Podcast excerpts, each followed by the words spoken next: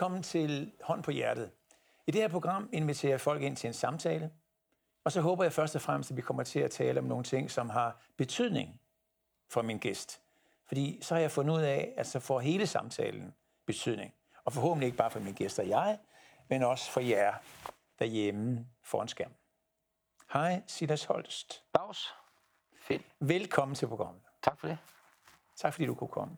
Tak fordi jeg måtte komme. Øhm, hvordan går det? Hvad er du sådan optaget af i dit liv i øjeblikket? Jamen, jeg synes, det går godt. Jeg, jeg er jo øh, optaget som alle andre af alt det her. Til den her nye verden, man skal prøve at manøvrere lidt rundt i, synes jeg. Ja.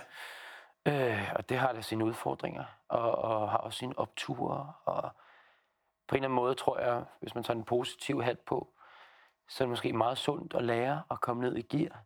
Mm. Nu synes jeg, jeg har været nede i gear længe. Ja. Nu kan jeg godt op i gear er en igen. del, der føler det sådan. Det er rigtigt. Ja. Øh, så jeg synes, at man har fået vanvittig øh, kvalitetstid med sine børn, for eksempel Ja. ja. det sidste år, Ja. som man måske forhåbentlig øh, ikke får igen med, med de her foretegn i hvert fald. Mm. Øh, så jeg synes, at der, der er sket meget på den front, som jo har været lykkeligt. Ja. Øh, hvor man har haft tid til at, at fordybe sig i deres verden, og deres univers, og deres Hvor tanker. gamle er de? Øh, fire og seks. Okay. Så de er også sådan en alder, hvor der er smadret på, ikke? Jo. øh, og hvor der sker en masse ting, og Ja. de vil gerne vide alting. Ja, så skal du være sådan en børnehavepædagog hjemmegående. Ja, Ja. øh, og det har jo også været fedt, ja. langt hen ad vejen. Øh, Hvor mange lege ikke var det mere. Hvor mange Jamen, jeg lege kan alt nu. Jeg kan alt.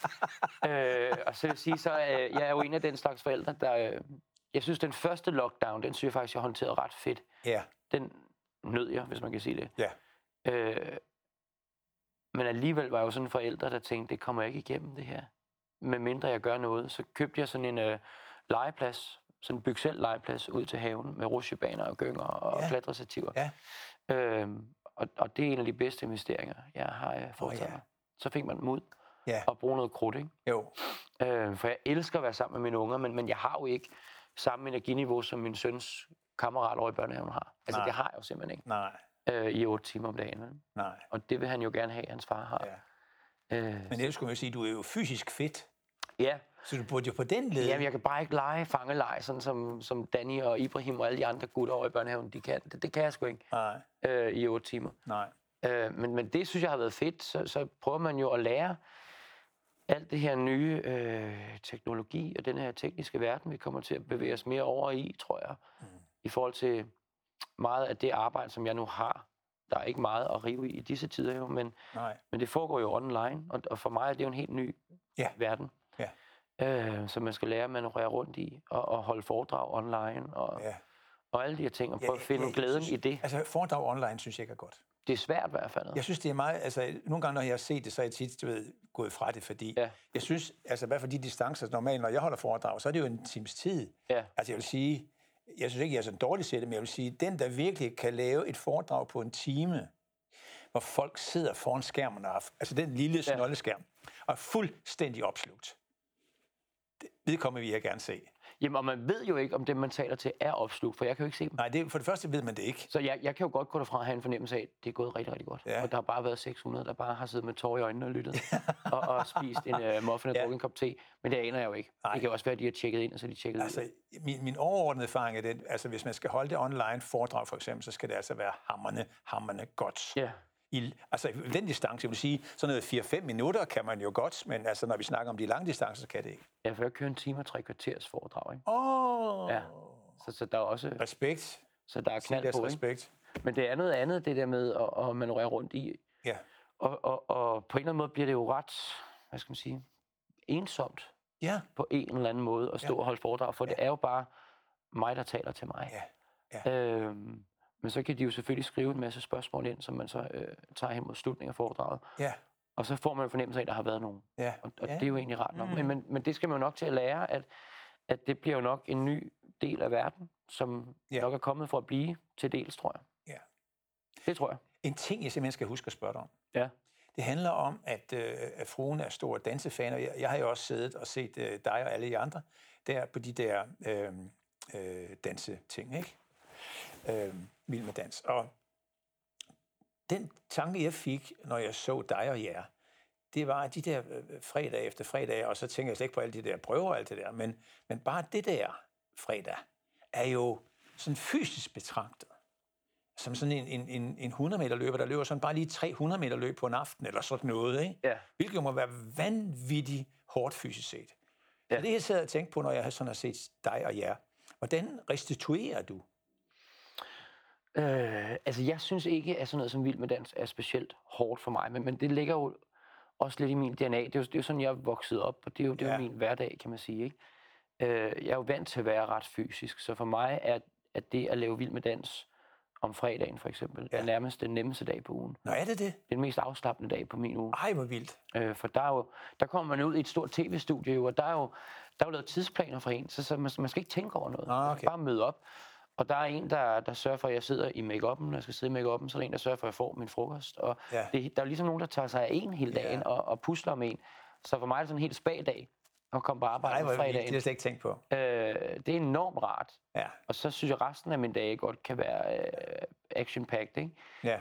Øh, primært når jeg laver teaterforestillinger, der, der laver jeg jo, jeg laver jo ret tit de der store øh, danseforestillinger. Ja. Altså de der ret kommercielle forestillinger, som Dirty Dancing og Grease og alt det der. Ja. Og det er jo tit nogle enormt fysisk krævende forestillinger, Ja. øh, hvor jeg ikke er af scenen i sådan tre timer. Ja. Øh, og jeg kan huske, når, når, når, de kører på fuld smadre, så spiller man jo op til ni forestillinger om ugen. Ikke? Ja. Så kører man dobbelt lørdag og dobbelt søndag, og så har man kun fri mandag til at restituere. Øh, og, og det kan godt, det kan godt være. Er det, er, det, er, er det virkelig nok? Øh, Jeg kunne have en mandag til at restituere på. Altså, det, det vil være lækkert med to dage, men, men der er egentlig også noget i det der med, når man kun har en dag, Mm. så når man at slappe af, men kroppen når ligesom ikke at registrere, hvor mange smerter den bu- burde have. Oh. Det, det er der også et eller andet i, at hvis man har to dages fri, så begynder Ja. kroppen at tænke, af, gør det ondt nu? Mm. Og når man kun har en dag, så når kroppen ikke rigtig at registrere, at den har ondt. Nej. Så kører den bare videre og producerer noget nyt. Ja. Øhm, så for mig fungerer det med et døgns fri, og ikke så meget mere. Nej. For så, så begynder jeg at tænke over, hvor hårdt det egentlig er, det gang Ja. Og det går ikke. Nej, jeg kom til at tænke på på vejen herhen, jeg skulle møde dig, at, at det der, hvor jeg, som jeg tit snakker med mine gæster om, omkring det der med deres forhold til deres krop, i forhold til det at holde sig i form, Mm. specielt den her tid. Ikke? Jo. Man må sige, det der med, taler du også om, eller er du også optaget af at holde dig i form? Fordi, Ja. det er jo, fordi det er jo, du er jo i det hele tiden. Så er der Jeg ikke noget det svinger ret form. meget. Det, det svinger faktisk meget, og det, det er måske nok noget af det, jeg ville ønske, jeg havde allermest styr på i mit liv. Men, men jeg tror, det tror jeg bare aldrig, jeg får rigtig kontrol over. Jeg, når jeg laver øh, produktioner, altså forestillinger, eller hvad Ja. jeg laver, så er jeg meget disciplineret.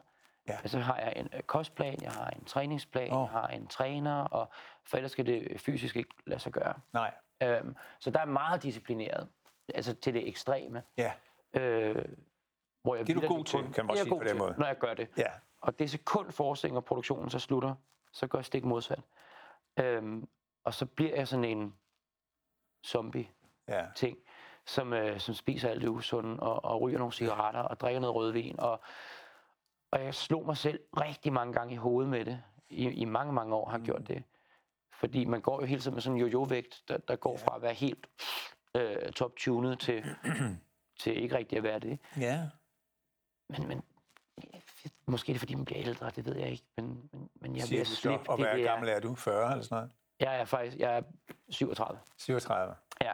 Men jeg begyndte at slippe det der med at dunke mig selv i hovedet over det. Ja. Jeg, jeg tror, det jeg har accepteret, det er en del af, af sådan mit liv er. Og, og der er også noget i at, at belønne sin krop, med, Ja, at den må altså- slappe af og restituere. Som Jeg synes jo, jeg synes umiddelbart, jeg tænkte, altså det er ret smart, ikke? Altså at kunne tænde og slukke. Jo, jo. Altså tænde og gå fuldstændig ind i Og jeg det. ved præcis, hvordan jeg skal tænde den for at nå det. Ja, Øh, men så går der jo heller ikke mere end Nej. fem minutter fra sidste tæppefald. altså hvor jeg slukker tænker, det. at det er sådan kropsligt intuitivt og ret begavet. Det er Ja. som en umiddelbar at du kan splatte fuldstændig ud bagefter og bare... Jamen, jeg tror egentlig måske, det kan være sundt. Der er Det også jeg. nogle eksperter, der vil sige, at det er enormt usundt, og man skal Det helst også. det kontinuerligt sikkert. Men, men jeg tror altså også, der er noget meget sundt i at lade sin krop få en ferie. Fuldstændig. Og øh, lave ingenting. Det er fuldstændig ingenting. Og, og gøre det, den har lyst til. Eller det er, det måske ligefrem nødvendigt, var? Altså, med jeg- det niveau, du taler om, ikke? Jo. med den der optjeningsniveau, du taler om, ikke? så skal den næsten ned og være total spag-agtigt. Altså, for jeg havde en øh, sådan pulsmåler, der også målte kalorier på under en forestilling Nå, på Dirty Dancing. ja. Og der, øh, der forbrændte man over, hvad var det? Altså, jeg tror, det var omkring 2.000 kalorier Mm. på den forestilling, ikke? Ja. Og det lavede man så ni gange om ugen.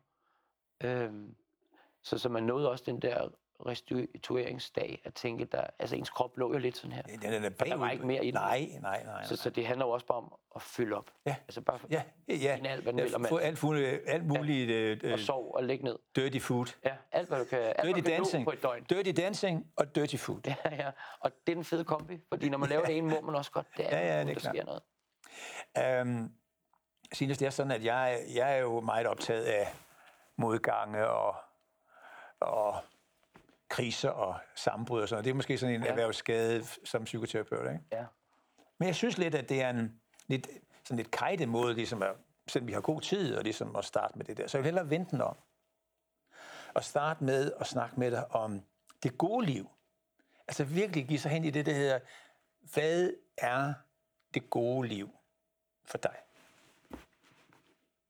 For mig er, er det god, når, når der er, er, er, er ro på alle omkring mig, altså når der er styr på folk omkring mig, Mm. og jeg ved, at alle omkring mig er glade, Mm. øh, så slapper jeg bedst af. Mm. Øh, for så skal jeg ikke bekymre mig Mm. om noget. Jeg tror, det gør mig glad. Øh, og det gør mig afslappet, når jeg ved, der er, man kan sætte øh, hak ud i alle boksene for alle ens venner, og for, altså sådan ens indercirkel. Mm. Øh, de 10, der måtte være i den, hvis det er så mange overhovedet. At når de, øh, når de kører, så kører jeg. Mm. Altså, så, så fungerer det for mig. Mm. Så har jeg det klart bedst, når der er ro på. Mm. Jeg er ikke så god til, øh, arbejdsmæssigt er jeg enormt god til kaos i mit hoved. Men privat, det skal helst øh, Ja. fungere så gnidningsfrit som muligt. Ja. Så kan jeg bedst resten af kaoset. Ja. Så jeg lige hører det lige nu, ikke, når jeg lige tænker, vi, vi kender jo ikke hinanden. Mm. Vi har aldrig snakket sammen, vel? Nej. Nej. Øh, når jeg sådan lige hører det, så synes jeg, I får igen ikke tænken om, tanken om, at det er sådan fysisk, psykisk er meget begavet.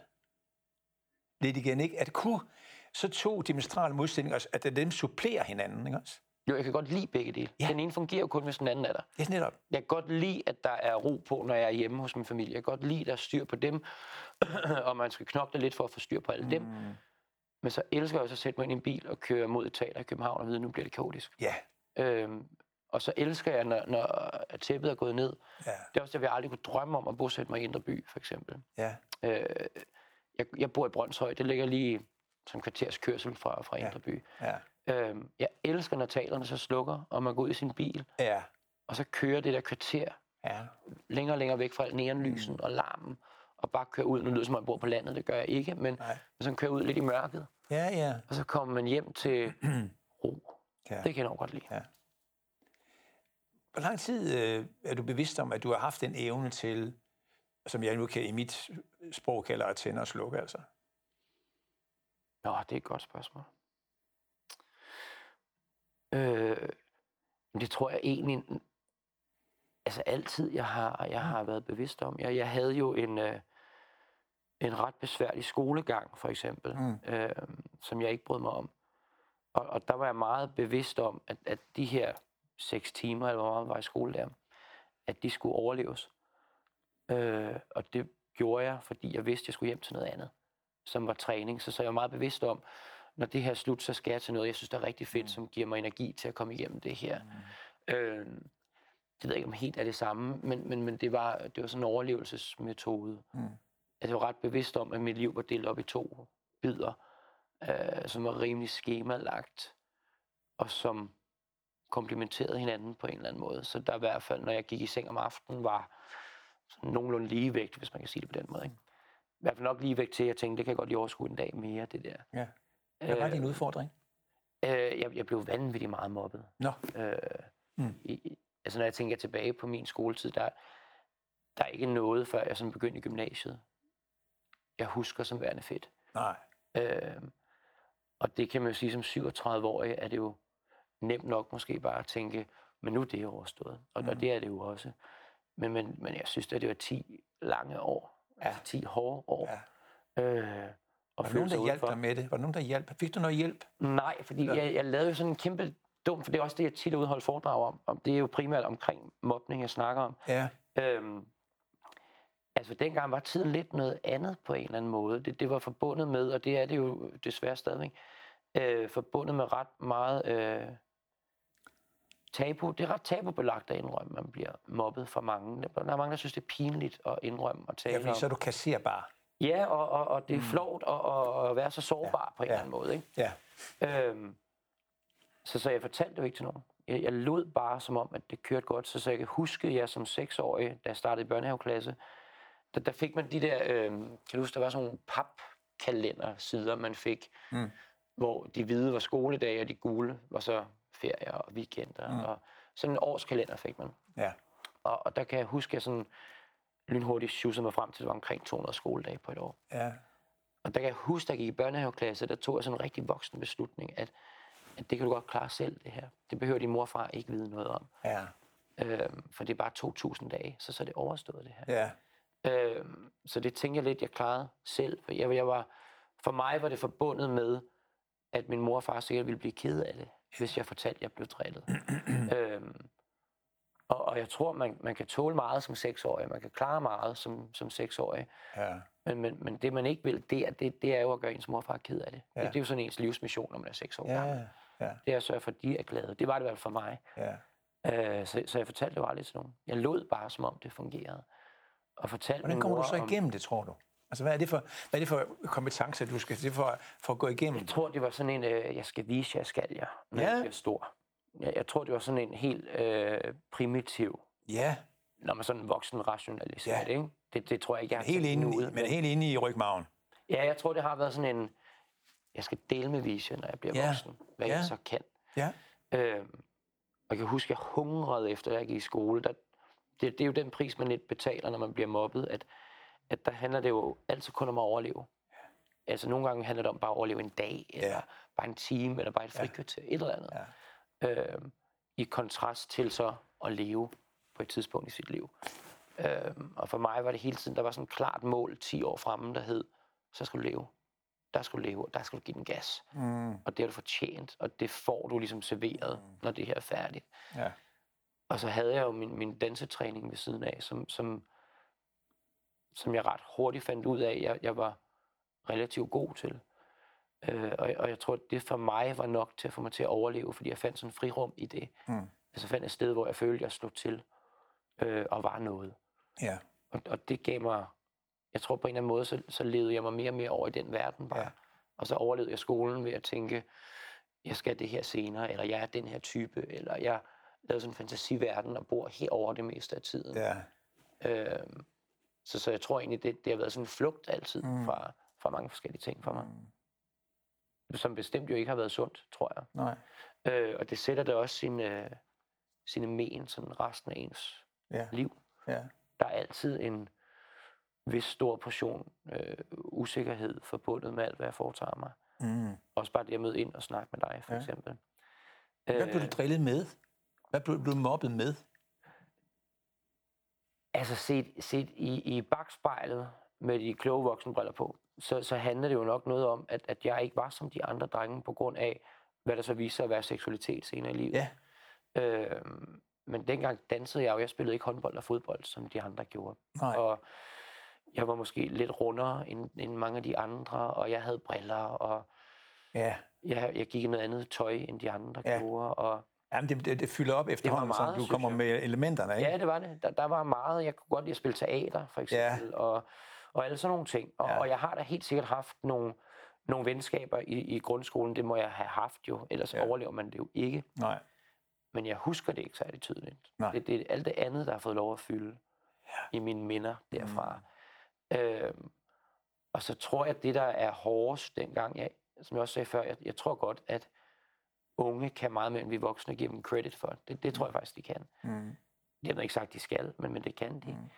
Men, men jeg synes, det jeg kæmpede med, og som jeg hører mange unge kæmper med, det er, det er ensomheden, der er forbundet med, når man ja. bliver mobbet. Ja. For det er så pokkers ensomt at blive mobbet. Ja. Øhm, fordi det er svært at, at forstå, og det er svært at finde en, en løsning på, Ja. når man er ung. I din, sådan, i din voksen refleksion over den der tid, og det der, de kompetencer, du ligesom alligevel skulle have fat i, selvom det virker lidt uoverskueligt, når du Ja. lige nævner det, fordi der er så mange elementer i det. Altså, vi, altså jeg kan huske, i min tid, ikke, hvis man for eksempel havde klumpfod, eller sådan noget, det er en bestemt person, jeg lige tænker på nu, så er det jo nok. Ikke? rigtigt. Altså en med, en med klubfod, så er man bare ligesom nærmest ude, så skal man virkelig Ja. kæmpe hver eneste ja. dag. Men nu nævner du jo flere ting. Ikke? Både den måde, du måske havde din seksualitet med, din måde at gå på, din, altså, du ikke du spillede fodbold, du ikke Ja. ja. altså. Så der, der er mange ting efterhånden. Ikke? Og så boede jeg heller ikke i lokalsamfundet. Jeg, jeg kom fra Nå, landsby, ja. så jeg var jo heller ikke en del af den der Nej. lad os hænge ud-gruppe. Ja. Og, og for mig, det er rigtigt, som du siger, det, det, det kan jo være den mindste ting, der gør det. For ja. Ja. mig handlede det om, sådan som jeg husker det i hvert fald, at jeg mødte ind på min allerførste skoledag, og så kom der en hen og spurgte, om jeg var en dreng eller en pige, kan jeg huske. Ja. Øhm, og det var nok Det er klart. øh, til, at jeg, sådan som jeg husker det, at, at så begyndte sådan at, at udvikle sig Jamen, det er klart. til de andre drenge og Mm. andre elever fra andre klassetrin, omtalt mig hele tiden som, der kommer hende der, Ja. eller Ja. der kommer hun, og gav mig sådan øh, pigenavne, når de øh, råbte efter mig og sådan ting. Ja.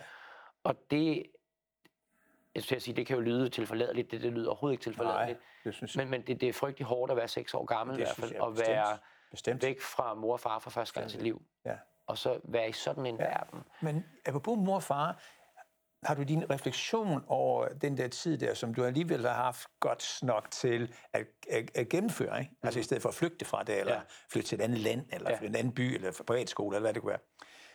Tænkt over, at du, selvom du har din øje for, at du ikke vil skuffe dine forældre, måske sådan i det stille sind kan undre dig over, at dine forældre ikke måske har været mere opmærksom på det, og kunne mærke det på dig, og taget action Jo. på en eller anden måde. Altså jeg vil sige, øh, til deres forsvar, for jeg har faktisk øh, enormt opmærksomme forældre, og, og, og nu har jeg jo også forstået det, i takt med, at jeg er blevet voksen, Mm.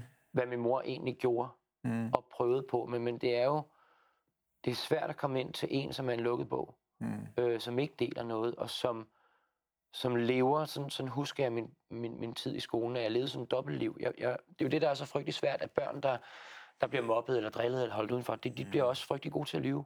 Mm. Øh, og jeg blev exceptionelt god til at lyve. Mm. Så jeg levede sådan et dobbeltliv, når min mor hentede mig, så fortalte jeg om hele min dag, men så var det om Torbens dag, Ja. altså, som var den populære dreng. Så, ja. så havde jeg indstuderet alt, hvad Torben lavede i løbet af dagen. Og så genfortalte jeg bare det til min mor sådan i detaljer, Mm. og førte noter i min kladehæfter, for jeg kunne huske det fra i går, og binde historierne sammen. Og, Ja, øhm, og så, så var hen ad vejen bliver til, altså, altså nu ser jeg med mine øh, terapibriller, Ja. så hen ad vejen jo, altså bliver et talent, ikke? Jo, jo, jo. Og som også bliver lidt sådan en, Nå jo, men, nu skal vi gennemføre. Nå, jeg vil også sige, når man ser på din karriere efterfølgende omkring teater og sådan noget, altså, tingene kommer jo ikke fra, fra ingenting. Nej, Nogle nej, gange nej, kan det det også sandt, komme det i, at du i virkeligheden der, selvom det har været en overlevelsesstrategi for dig, så også er en eller anden udvikling af et talentområde. Jamen, jeg tror heller ikke, jeg husker heller ikke de der 10 frygtelige år, som, som jeg gik hjem og græd over det. Nej. Jeg, jeg tror, jeg, jeg har altid affundet mig med, at det er sådan situationen er. Og det skal man igennem det her. Ja. Øhm, så, så jeg har heller ikke nødvendigvis været den triste dreng, når jeg kom hjem derfra. Nej. Jeg har været meget bevidst om, at, at det skal vi igennem det her. Ja. Og så var der, det er jo trods alt, jeg har lyst til at sige øh, 20 år siden, det er jo også mere, det er jo 30 år siden. Der var ikke, der var ikke nær så meget fokus på mobning, som der er i dag. Nej. Det var der ikke. Der, der var jo ikke mobbepolitik og politi og, mm, og hvad der ellers nej, er, er rigtig nej, gode tiltag nej. i dag. Det var der jo ikke. Der var jo meget, der bare blev klassificeret som sådan lidt øh, drengestreger og sådan Ja. noget. Ikke? Ja. Øh, Livets skole. Ja, ja. Og Det, det lyder som om, det er en jeg er del af 80 år gammel nu, men, Ja. men det er jo ikke længere tid siden, Nej. end, end Nej. det var i, i 90'erne. Ikke? Ja. Øhm, så, så der var jo ikke nødvendigvis nogen, der stoppede op og spurgte ind til, Mm. hvordan har du det i det her? Fordi det var ikke noget, der rigtig blev talt om. Mm. Det gennemførte man bare. Øh, og, og hvilket jo egentlig er, jeg tror, det er der min drivkraft til at holde foredrag kommer fra, for jeg kommer fra øh, et meget kærligt hjem, hvor der i den grad er højt til loftet, Mm. hvor sådan nogle samtaler som det her ville have været helt naturligt. Mm. Øh, jeg turde bare ikke gøre det. Nej. Øhm, så, så det er jo det, jeg prøver at tage ud til unge og lære dem, at, at man skal tale om det. Ja. Fordi forældre, de, de er godt nok rustet til at kunne håndtere det. Men er du også nået dertil i din refleksion, og det der med at holde foredrag om, om det, er jo en virkelig god måde at, at få en selvklarhed på. Ja, ja, det er meget bevidst om. Det, det, at, at, at der i det der i virkeligheden kan være tale om en robusthed Ja, hos dig. ja. Jeg takker altid, når jeg Jamen, det synes jeg er rigtig foredrag, fint. takker jeg altid dem, der har lyttet for at gide at lytte på mig, fordi det er for mig en mulighed for at komme et lidt større låg på noget, eller åbne op for et lidt Ja, større låg for ja. et eller andet andet. Mm. Det, det giver altid nye tanker, når Ja. jeg holder foredrag, selvom det jo er skåret ind til benet, det samme budskab, jeg kommer Ja. med på, hvor end jeg er. Ja, Men jeg lærer altid noget nyt ja. På den ene eller anden måde. Ja. Og det, det, det er jeg enormt taknemmelig over, Ja. at man får med Ja. på vejen. Ja. Så begyndte du at danse. ja. Det blev du god til. ja. Hvad er det, du er god til? Set fra sådan en, som ikke har forstand på det. Øh, jeg- tror, jeg er Hvad god kan du? til... Silas, hvad kan du? Ja, jeg ved sgu ikke, hvad det er, jeg kan. Det er ikke det, jeg har sådan en tanke om. På et eller andet tidspunkt opdager folk, at jeg ikke kan noget, og så Åh, den der. min øh, fortid afsløret. som også er en motor, ikke? Jo. Øhm, jeg tror, jeg altid har været god til at gøre det på min egen måde. Ja. Er det det også? Jeg tror i hvert fald, det har skinnet igennem ret har haft, tidligt. hvad- det, der hedder altså karakterfuld. Ja, jeg, jeg har haft behov for at gøre... Har du set den der film? Sådan tænker jeg tit på min egen dansekarriere. Har du set den film, der hedder Strictly Ballroom? Den der 70'er, Måske. 80'er øh, kultfilm, som handler om et øh, dansepar, hvor han så laver sin egne koreografi. De forbudte trin hedder den på dansk. Åh oh, ja. Øh, hvor han så bliver diskvalificeret, for man må ikke de ting. Jeg, jeg tror, det er sådan, jeg lidt forestiller mig, min Ja. dansekarriere også Ja. ja. har været. Ja, øh, jo ældre jeg blev sådan i danseverdenen, Mm. det er også, jeg tror, jeg stoppede på et tidspunkt med det, fordi det blev ikke så meget det at gøre tingene teknisk korrekt, mm. der var vigtigt for mig. Det handler om at gøre tingene anderledes end andre. Mm. Øhm, og, og langt hen ad vejen, at det er jo klædeligt nok, tror jeg. Mm. Men på et tidspunkt tager det også overhånd, ikke? Hvis det kun er den motor, der kører. Ja. Øhm, og jeg tror, det fandt sådan et helt naturligt leje til sidst, hvor jeg tænkte, nu, nu skal det her også have en ende. ja. Øh, og nu skal du starte på noget nyt, hvor du kan få den der kreative proces, der er i dit hoved, ud på en anden måde. ja. Som ikke... Jeg er meget bevidst om, at ting ikke må blive patetiske. Eller øh, at det ikke må blive et statement for kun at være et statement, for Ja. eksempel. Og jeg tror lidt, det var der, min dansekarriere bare henad Ja. ja. som turneringsdanser. At jeg havde mere travlt med, at vi skilte os ud i koreografien. Mm. Og, og lavede ting, der var lige på grænsen til at blive diskvalificeret måske. Og Åh, at vores øh, tøj var meget anderledes end alt andet. Og ja. jeg havde mere behov for at blive set på på den måde, tror Ja. jeg, end, end at gøre det korrekt. Ja. Øhm, Det er lidt fanden i voldskær, ja, det er der i den grad. ikke? Men der er ikke sådan noget, det er ikke et behov for at lave oprør. Nej. Det er, jeg har ikke behov for, at andre følger med i det. Det er ikke, jeg har behov for at ruske op i det hele. Nej. Jeg tror, jeg har bare brug for at udtrykke mig på den måde. Ja. Øh, og det handler ikke om at komme i fokus, Mm. egentlig. Jeg tror, det er bare den måde, mit hoved fungerer på. Mm. At når det bliver for, for ensartet med, hvad alle andre gør, så er der ingen grund til at gøre det længere. Mm. For så bliver det lidt en gentagelse af noget, andre har gjort, Ja. hvis det giver mening. Ja. Og jeg hader gentagelser. Undskyld, der er lige nævnt at poppe op noget tidligt, vi snakkede om. Ja. Omkring det der med, da du kom i skole og sådan noget, Ja. at hvordan du så ud og havde noget underligt tøj på og, og sådan noget, ikke? Jo. Hvorfor, kunne, hvorfor gav dine forældre dig noget underligt tøj på? Øhm, ja, måske har det ikke været så underligt. Jeg havde bare ikke de der håndboldtrøjer. Jeg havde ikke fodboldtrøjer, for jeg gik jo ikke til det. Øhm, jeg, kom, jeg gik meget til det hjemmestrik, for eksempel. Mm. Øhm, fordi det gjorde mange af de dansekammerater, jeg havde, Ja, de gik ligesom i den stil. ja. Og jeg tror på en eller anden måde, så så jeg mig selv mere som en enhed med det, og et fællesskab med det. Jo, men da du, jeg tænker, da du starter i skole, så, er det jo, så lægger din mor formodentlig noget tøj ud til dig. Eller, Ikke? Og der, jeg Der har jo bare en mor, der går meget op i, at ting matcher, for eksempel. Ikke? Ah, Øh, så sokker matcher jo til penalhus, til, til viskelæder og skoletasker. Alt matcher. Øh, det er flot. Ja, ja, det var gennem, det var mindre. Men hun har bare ikke lige tænkt på, at der er også noget med at, ligesom at falde ind. Men det, sådan tror jeg altså ikke, man tænkte for 30 år siden. Det, det vil man nok være bevidst om nu. Det er jeg i hvert fald bevidst om med mine børn, at, at de skal, hvis de har lyst, skal de falde ind, mm. men, men det er ikke et must for mig, Nej. at de falder ind. Nej. Jeg, jeg tror, der var altså et andet fokus dengang for 30 år siden, Ja, øh, end, end der er i dag på alt det der. ja. Og jeg, jeg valgte jo også, altså selvfølgelig lagde min mor jo tøj frem til mig, men, men det har jo nok været sådan noget basic tøj, ikke? altså et Ja. par shorts og en t-shirt. Og så tror jeg da helt sikkert selv, jeg har valgt at dresse det op med noget Ja. strik cardigan eller, eller op. et eller andet, der matchede brillestillet.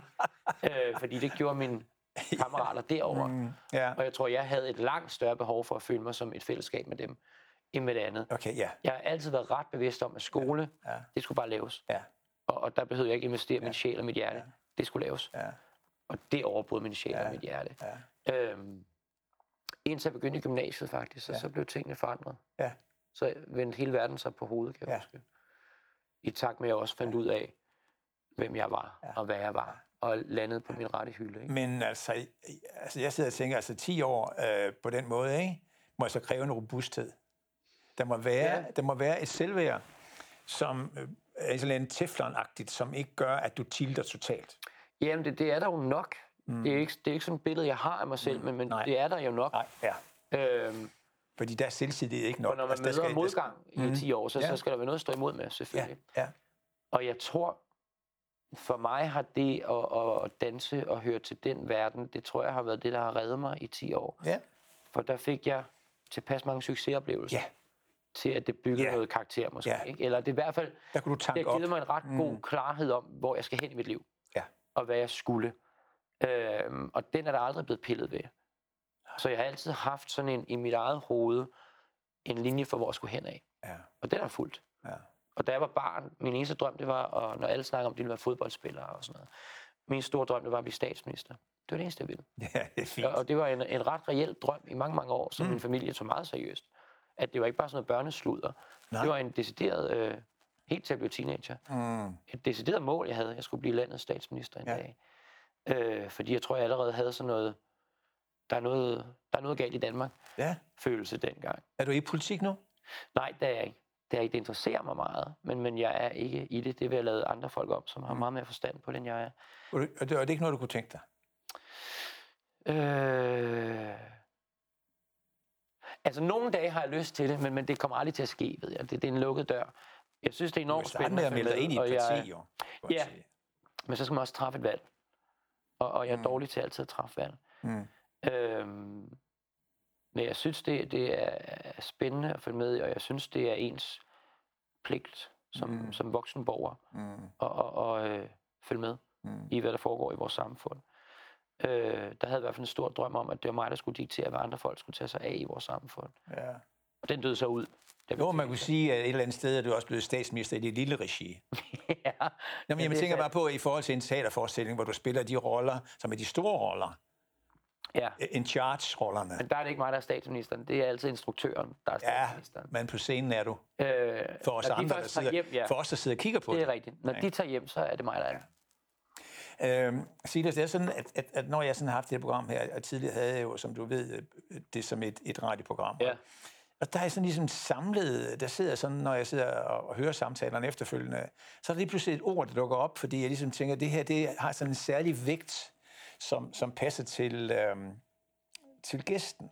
Og der er der altså et ord, der, der er poppet op nogle gange i forbindelse med vores samtale indtil nu. Ja. Som jeg lige vil give dig, og jeg tænker, hvad, hvad tænker du, når jeg for eksempel siger balance? Balance. Åh, oh, det er et svært ord. Hvordan er det poppet op, synes du? Det kan jeg godt sige dig. Ja. Det er fordi, at jeg har en tanke, der hedder, at med dit erhverv, ja. som et eller andet sted i virkeligheden er meget balanceorienteret, fordi der skal, det, er helt, altså det er hele tiden noget om, hvor, hvor ligger balancen hen, og hvor ligger min partner og alt sådan noget. Så ja. den der balance der, hvor jeg tænker, at en ting er selvfølgelig sådan udvendigt at kunne de trin og noget, ikke? men i hvor høj grad du har oplevet i dit liv, at, at ordet balance også træder ind, således at hvis du føler, at du i dit liv har perioder i ubalance. Om du er så... ubalance lige med kaos? Nej, men det er en fornemmelse af, at, at, øh, at den øh, normale balance-tilgang, man har yin-yang i sit liv, mm. og med sin partner og danse, har man pludselig ikke i sit private liv. Hvorvidt det bryder ind i dit erhverv. Det er faktisk det, jeg er optaget af. Er du lige så god danser, hvis du er, har modgang og er lidt ude af skide? Jeg tror, jeg er en bedre danser, hvis jeg har modgang og ude Ej, hvor sjovt. Ja. Fortæl om det. Hvordan kan det være? Det er bare sjovt at sige, balance, det, det tror jeg aldrig, jeg vil sætte i mit eget hoved, men det, det er sjovt at sidde og tænke over. Ja. Øhm, du har faktisk kredset meget om det. det ved ikke, om er det du rigtigt? Ja, du har. Det har jeg slet ikke tænkt over. Jo, jo, bare det der med, du ved, med at, at køre det der fitness og alt det der i forbindelse med dine produktioner, Rigtigt. og komme hjem ja. og sige blub. Ja, ja, det er jo i virkeligheden øh, dybest set en, en balancesynspunkt. Ja. Ikke? Jeg tror, der er noget i det der med, jeg kan godt lide modstand. Øh, og modgang. Det, det, det, det er en enorm stærk drivkraft. Ja. Øhm, du er virkelig også blevet opflasket med det jo. Ja, og, og jeg tror, jeg, jeg hviler i den. Ja, du er uddannet. Jeg, jeg Jamen, det er klart. genkender den. Ja, det forstår jeg. Og jeg ved, hvad jeg skal gøre, når jeg oplever modstand. Ja. Så, så, ja. øh, så kan jeg trække vejret på en anden måde. Ja.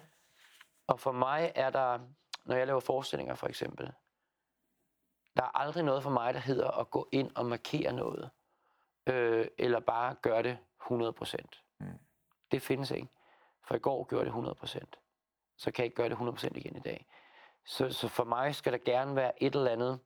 Det behøver ikke være vrede, det behøver ikke være noget, men, men jeg skal gerne nå hen, inden en forskning starter, til et eller andet sted, hvor det smager lidt af blod. Forstår du, hvad jeg mener? Mm. Jeg, jeg fungerer bedst, når man finder det syvende gear. Mm. Øhm, for så handler det om, om ren overlevelse på en eller anden måde. Og så ja. kommer der noget... Jeg husker Shirley Bassey, jeg så engang en dokumentar om hende, mm. som jeg synes synger ret så vidunderligt, og meget særpræget. Og hun sagde, hun sang altid hver sang, som var det hendes sidste. Mm. Øh, uanset om hun stod i et studie, om hun var ude at lave et plejehjemsjob, eller hun stod i Royal Albert Hall. Hver sang var som om, det var den sidste sang, hun nogensinde kom til at synge. Yeah. At hun havde altid en tanke om, nu skal jeg synge den, så hvis jeg måske får et hjertestop bagefter, yeah. så gik jeg ud med et brag. Yeah. Sådan har det hver gang, jeg danser en dans yeah. på en scene. Øhm, og det skal være vildere, end det var i går. Yeah. Og jeg skal være bedre, end jeg var i går. Mm. Øhm, for så føler jeg selv, at jeg udvikler mig. Mm. Så, så jeg har ikke noget imod at spille de ni forskninger om ugen. Fordi når man når den 9. så er der ikke mere at give af. Mm. Øh, og der handler det om at overleve den. Ja. Men det er tit der, magien opstår, synes jeg. Ja. Fordi så fjerner man alt, øh, alle sine egne tanker og sin egen øh, selvindsigt og alt muligt andet. Så, så er det ren overlevelsesinstinkt, man kører ja. på. Ja. Og der opstår der tit noget, man ikke vidste, man kunne. Ja. Og der kan godt lide at komme her. Ja. Det synes jeg jo, uh, sidder og tænker på, at der har du virkelig en funktion og en mission ja. ved at fortælle om det til folk. Ja. Fordi at dem, der sidder og har en oplevelse af at blive øh, kanøflet eller mobbet på en eller anden måde, i stedet for det handler om blot at komme igennem det, at overleve det, at det i virkeligheden i det der er en, et udviklingspotentiale, som du er et eksempel på, der hedder, at du kan, at den modgang, du oplevede der i skoletiden, virkelig bliver en del af dig, som du sådan i din præstation kan få fat i, ja. som en kompetence. Så jeg har aldrig set på det før. Nå, okay. Men det er fuldstændig det rigtigt. Det. Det, er, det er fuldstændig rigtigt, det du ja. Det er det jo. Og derfor er det en fantastisk vigtig historie, du kommer med. Så jeg har aldrig tænkt på det før. Nå, okay. Det er sandt. Det er, det er sandt. Det, var, det, var, det var lige siddet og sagt det jo. Ja. Jamen, nogle gange skal man være i selskab med nogen for ja, at sige ja. det højt for at forstå ja, det. Det er rigtigt. Ja. Øh, jeg kan godt lide... Ja, det er det. Øh, det er jo det, du sagde. Jeg tror, det er på en eller anden måde for mig. Jeg har ikke behov for at, at, at hoppe i faldskærm, eller bungee jumpe, eller... Nej flyve helikopter eller noget andet, hvor jeg føler, at jeg sætter livet på spil. Det, det, det adrenalinkick har jeg ikke brug for. Men jeg kan godt mærke den adrenalin, jeg får i kroppen, når jeg øh, skal på scenen 9. gang på en uge. Og ikke kan mere. For så, så er man så øh, nøgen og sårbar, som man ja. kan være. Ja. Og det er et øh, rush ja. af en anden verden for mig. Ja. For, for det er enormt øh, sårbart. Ja. Og det kan jeg godt lide. Jeg kan godt lide at dele sårbarhed med andre mennesker. Ja. Det kan jeg faktisk godt lide. Ja. Meget fint. Meget fint. Du har en mission der. Ja, ja, ja måske. Det synes jeg. Det synes jeg. Eller åbenbart, ja. Øhm, øh, det, det eneste faste program, vi er sådan set et programpunkt, vi har i det her, øh, ja den her samtale her, det er de vendepunkter. Fordi jeg godt kan lide det, for jeg synes, at hvis man ligesom har tager den der helikoptertur og kigger ned over sit liv, ikke? så er man kvæg det, at man søger og siger, hvor er mine punkter henne? Altså, hvor er det der, hvor det virkelig har, har skubbet og, og når jeg tænker tilbage på det, måske stadigvæk skubber mig at tænke på den oplevelse. En personligt møde eller en begivenhed eller noget. Og øhm, hvordan var det for dig at få den lille opgave? Var det nemt for dig at finde dine 2-3 punkter? Eller? Ja, det synes jeg faktisk, det var. Okay. Ja, ja, de stod ret tydeligt. Ja. Så kan jeg være, når jeg har sagt dem højt, og, og har tænkt over det fire dage mere, og tænker, åh oh, nej, der var andre, der var federe. Ja, det fortæl, hvad du kom frem Jeg synes, øh, selvfølgelig det for børn, det, det bliver man jo nødt til at nævne som det første. Det, det synes Hvorfor jeg er jo, siger du det? Hvorfor siger du fordi det? jeg synes, det er det mest skældsættende, der sker. Der er i hvert fald sket sagde, i mit liv. Det bliver man nødt til at, at sige. Det er fordi, det er en kliché, altså nævne Jamen, det er jeg ikke interesseret i. Altså interesseret i, hvordan du har det. Altså, det virker som om, du i virkeligheden har det som et meget stort vendepunkt. Jamen, det er da også klart det største vendepunkt, der er sket ah. i mit ah. liv. Det er det uden sammenligning. Mm. Der er jo... Øh, jeg gået og tænkt over, hvad, hvad pokker det er, der egentlig sker, når man bliver far. Ja. Eller mor, for den sags skyld. Mm. Og der er jo... Øh, man har altid, jeg har altid hørt historier om, når, når du en dag bliver far, så mærker du rigtigt, hvad kærlighed er, og alt det der. Og, mm. Og det er rigtigt. Den, den følelse får man jo det sekund, man møder et lille nyt væsen. Og for i mit tilfælde hende, det var min første barn, det var min datter, i armene. Øh, der gik verden bare i stå, kan jeg huske. Og så sker der jo det skønne, når man bliver far, synes jeg, at så bliver, så bliver man enormt sekundær i sit eget liv. Mm. Og det er enormt klædeligt Ja. for alle Mm. over 30 på en eller anden måde, har jeg lyst til at sige. Øh, at livet handler ikke om en selv længere. Det handler om et andet væsen. Ja. Og i og med, at man så koncentrerer sig om det her væsen, så finder man også ud af, hvad ens egne behov egentlig rigtigt er. Mm. Jeg tror på en eller anden måde følte jeg, at jeg landede, Ja. da jeg fik børn. Ja. Og verden blev på en eller anden måde jo et, et meget smukkere sted, men også et meget mere uhyggeligt sted på samme tid. Det, Ja. det, er, en- det er nogle store følelser, man går igennem. Ja. Og det synes jeg faktisk, man går igennem hver dag. Altså det er ikke for fem dage siden, der, der så jeg en, øh, en, en serie, jeg er i gang med at se på Netflix, øh, som er ret voldsom. Og på et tidspunkt i den her serie, der var der en, en Hvad hedder den? Er den god? den hedder Vis-a-vis. Det er sådan en spansk serie. Der var en mand, der ville hævne sig på en anden mand, og han valgte så at hævne sig ved at køre den anden mands datter over, sådan helt bevidst. Øhm, det er sådan en gangster-serie. Øhm, og da jeg så det, der, der, jeg sov ikke hele natten. Nej. Jeg, jeg havde ondt i hjertet, ondt i maven og tænkte, jamen så skal jeg jo så have bygget en mur. Det er jo det første, man tænker. Mm. Så skal jeg bygge en mur rundt om mit hus, så mine børn ikke ved et tilfælde kan løbe ud på vejen. Eller jeg skal ringe til Københavns Kommune og bede dem om at lave vejbump, så, så biler ikke kan køre så hurtigt på min villavej. Og Ja. så går man i sådan noget mode, Ja. hvilket var ekstremt. Ja. Men det er jo også fordi, det handler om det mest styrbare, man Ja, har. Øh, og den serie vil jeg nu ønske, jeg aldrig havde set før, for det billede får jeg aldrig slettet af min hukommelse. Nej. Øhm, så, så, kan så det stopper jo ikke, og min mor fortæller mig jo også, at det bliver kun værre. Ja. Det bliver kun vildere, det jo det. ældre de bliver. Ja. For, og det kan jeg jo godt forestille mig. Ja, Ja, det Pludselig er der noget, der hedder byliv, ikke? Og, og Københavns indre by, Ja. og, og hold nu fast, Ja. ja. hvor, hvor jeg ikke kommer til at sove om nogle år mere, Ja. ja. tror jeg. Ja. Men, men det er vel også en del af Ja. livet, og en Ja. del af charmen med at være forældre. Tænk, tænk, at man kan få noget, som betyder så meget for en. Er det ikke skørt? Jo. Det er jeg- klart det største vendepunkt. Jeg, tæ- jeg, jeg tænker faktisk på, at i forbindelse med det der, så jeg oplever noget af det samme som dig. Eller ja. Ja. det samme som dig. At sidenhen har jeg tænkt på, at og det er en anden vinkel. Det er, at man falder i hak med ens illusionære forpligtelser. Ja. Ja. At det er jo det, du skal, når vi går. Det er jo, du skal sørge for, sammen med den udvalgte kvindelige partner, du nu har, og sørge for, at der kommer to. Ja. så falder man på en eller anden måde i, i Ja, hak.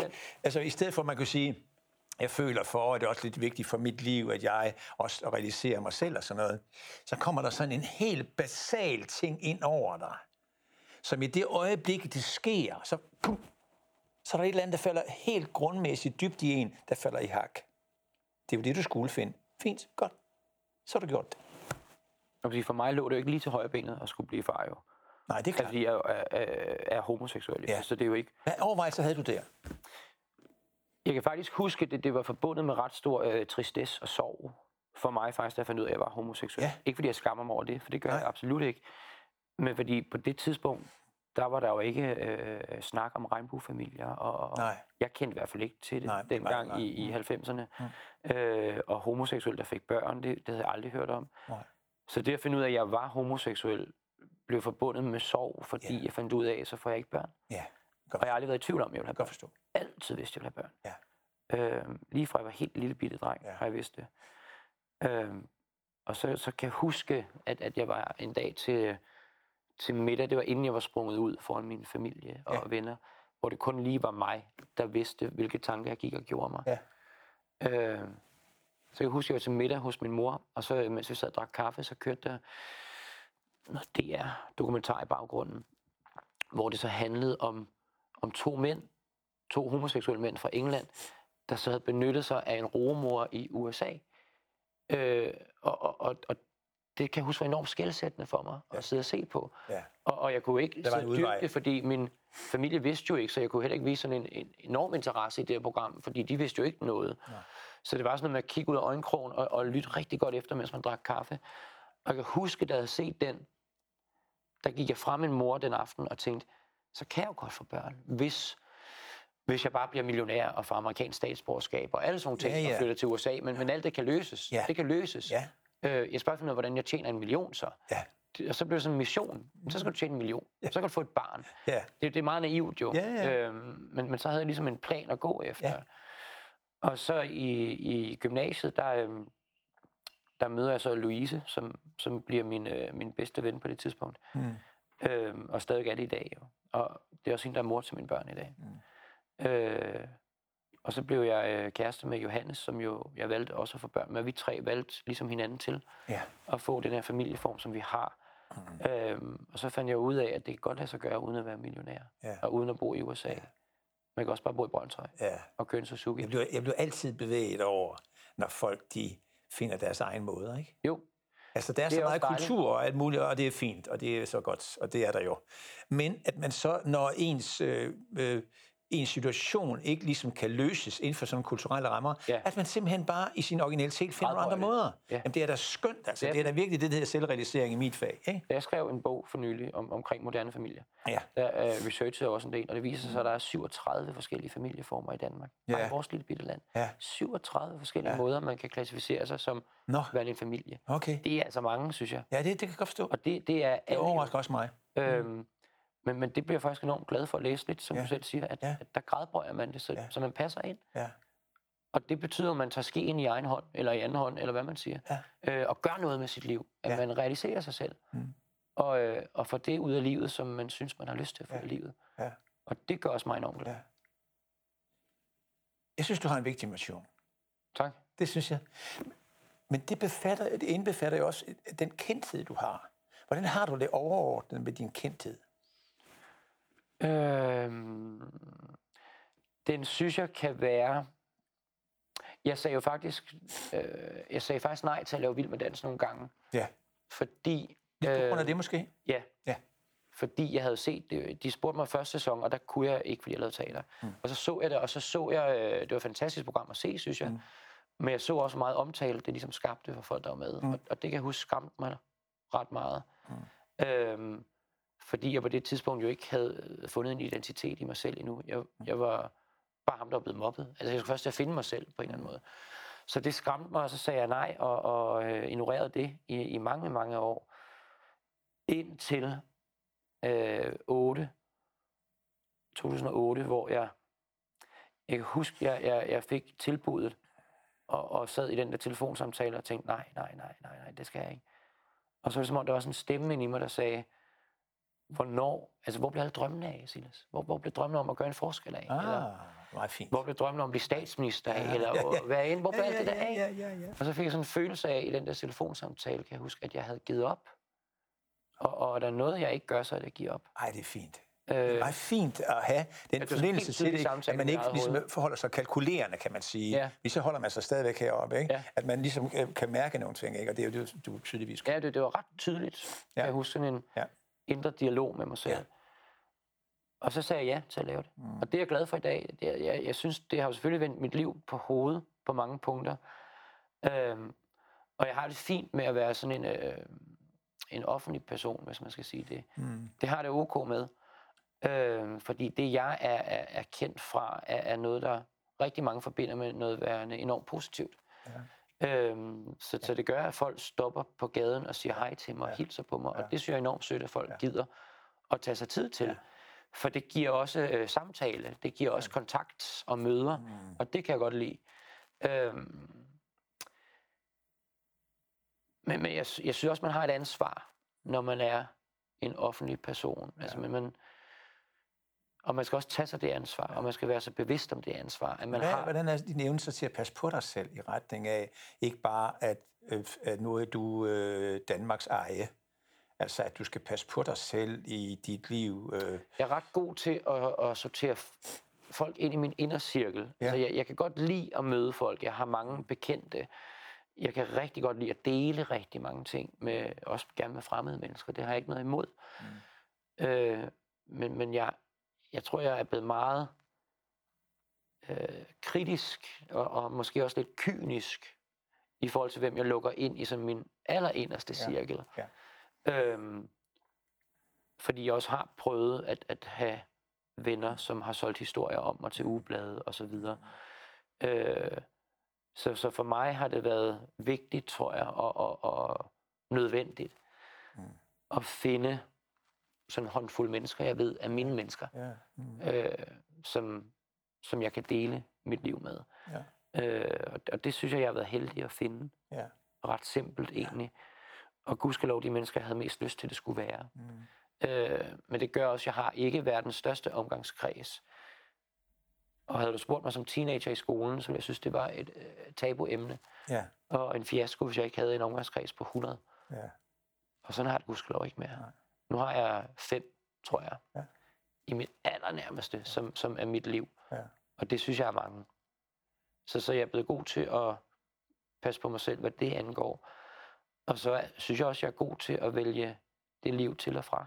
Mm. Øhm, jeg har ikke et behov for at stå på en rød løber Nej. tit. Det, det er ret sjældent, jeg har lyst til det. Ja. Øhm, så så jeg, jeg vælger det jo også fra, kan man sige. Ja. For mig handler det mere om at passe mit arbejde. Ja.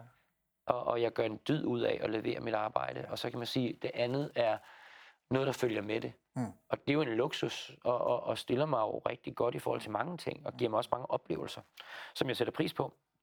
Men, men det er altid arbejdet, der er vigtigst. Ja. Og det er godt. Og hvis det en dag bliver omvendt, Mm. så skal jeg stoppe øjeblikkeligt med det, jeg laver. En af de ting, jeg er optaget af, meget optaget af, jeg har været det i meget lang tid, er, du snakker om, om tabu før, øh, er døden. Ja. Jeg sidder og interesserer mig for sådan en, en, en, en undskyld mig, knæk på 37, ikke? Er du optaget af døden? Øh, ja, ja, det er jeg faktisk. Øh, Hvordan?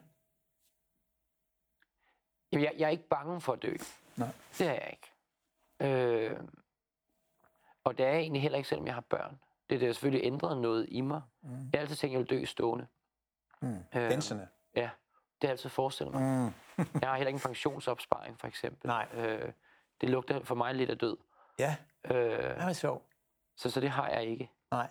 Øhm, døden har, mit syn på døden har ikke ændret sig synderligt igennem mit liv. Jeg har altid været... Jeg har også haft forældre, der har præsenteret mig for døden. Ja. Altså ikke, jeg har gudskelov begge mine forældre, ja. men, men de har ikke skærmet mig væk fra det. Jeg, jeg var med til at holde øh, min mormor i hånden, for eksempel, da hun udåndede. Der var jeg også Ja. en, en voksen knægt. Ja. Men, men død har ikke været noget, vi ikke har talt om i Nej. mit hjem. Øhm, og jeg har været øh, tæt på nogen og, og fået lov til at få den ære, for det synes jeg, det er, at holde dem i hånden, mens de udåndede. Mm. Øhm, og synes egentlig også, at døden er enormt smuk. Mm. Øh, det er et smukt øjeblik, kan det være. Jeg har været heldig, at de gange, jeg har oplevet det, har det været forbundet med noget enormt fredfyldt. Ja. Men det er selvfølgelig også, fordi jeg har været i et forløb med, med mennesker, jeg har været forberedt på at skulle afsted, så man er nødt til at tage en afsked. Ja. Øh, jeg har også oplevet det modsatte, folk der bare blev revet væk fra mig i, i en ulykke. Og det er selvfølgelig en anden proces, man så går i gang. Da jeg spurgte dig, så havde jeg faktisk ikke de tanker, som jeg sidder med nu. Og du siger, hvordan den naturlighed, du har med det, ikke? Det slår mig lige, når du siger det, at, at det kan jeg egentlig godt forstå. En af grundene kan måske være, at du i de der 10 år i folkeskolen var døde hver dag. Ja. Er det? Øh, Øh, Den det er mobning, god tanke. den, den mobning er lige med død. Ja, det er rigtigt. Det er, Ikke? rigtigt. Altså, det er det jo hele tiden. sandt. Så hvad kan man sige, at noget af det, den robusthed, jeg snakkede om, du havde udviklet kvæg Mm. det der, at det indbefatter faktisk også, at man får sådan et, et, et naturligt forhold til de døde, fordi det oplever jeg hver dag. Jeg tror i hvert fald, at de der 10 år har givet mig en, øh, hvad skal man sige, i forhold til det med at dø. Jeg, jeg, jeg synes, jeg har opnået meget. Der, der er sikkert rigtig mange andre ting, jeg gerne vil opnå også. Men, men jeg, jeg synes, nu er jeg 37, men, men jeg synes allerede, jeg har haft et meget privilegeret liv. Ja, Øhm, og, og dermed ikke sagt, at jeg håber, det slutter om to år. Jeg håber, jeg får et langt privilegeret liv. Men jeg har fået et privilegeret liv, men det hænger helt sikkert sammen med de 10 år i min skole, fordi jeg nu også, det er jo så det positive ved at have oplevet det i 10 år, jeg værdsætter enormt meget det, jeg får Ja. ja. i mit liv. Jeg tager ikke noget for givet i mit liv. Hver gang jeg får en teaterrolle, bliver jeg øh, jublende lykkelig. Mm. Øh, og får lyst til at invitere mine venner ud på middag for at fejre, at jeg har fået et job. Øh, og den følelse har jeg stadig efter 20 år i den branche. Øhm, fordi jeg tager ikke for givet, at de ting lander ned i min turban. Apropos, apropos øh, jublen lykkelig, så er det, vi skal til at runde af nu. Allerede. Ja. Fint. Prøv at høre, Det er ellers så øh, hyggeligt. Det har været dejligt at have dig. Men hør her, nu, nu øh, skilles vi, Ja. og du skal ud i det her studie. Og sådan noget. Hvad glæder du dig til nu? Hvad sidder du og glæder dig til? Jeg glæder mig øh, rigtig meget til, øh, jeg skal hjem til mine unger. Ja, Jeg, jeg er jo delefar, ja, øh, så i dag starter min uge med mine Ja. børn. Det starter i dag. Ja, og min datter har tabt en tand, og øh, Det er stort. det er kæmpestort. Og vil gerne have en øh, fransk flætning i morgen, så det skal jeg hjem og lære, hvordan jeg laver en fransk flætning. Jeg synes, at det der... Vi skal slutte med det allerstørste. Ja. At din datter har mistet en tand. Det er det største. Og der skal vi slutte. Kæmpestort. Det er kæmpestort. Silas, det var rigtig dejligt at have besøg af dig og sidde og snakke med dig. Og til seerne, øh, tak for i aften.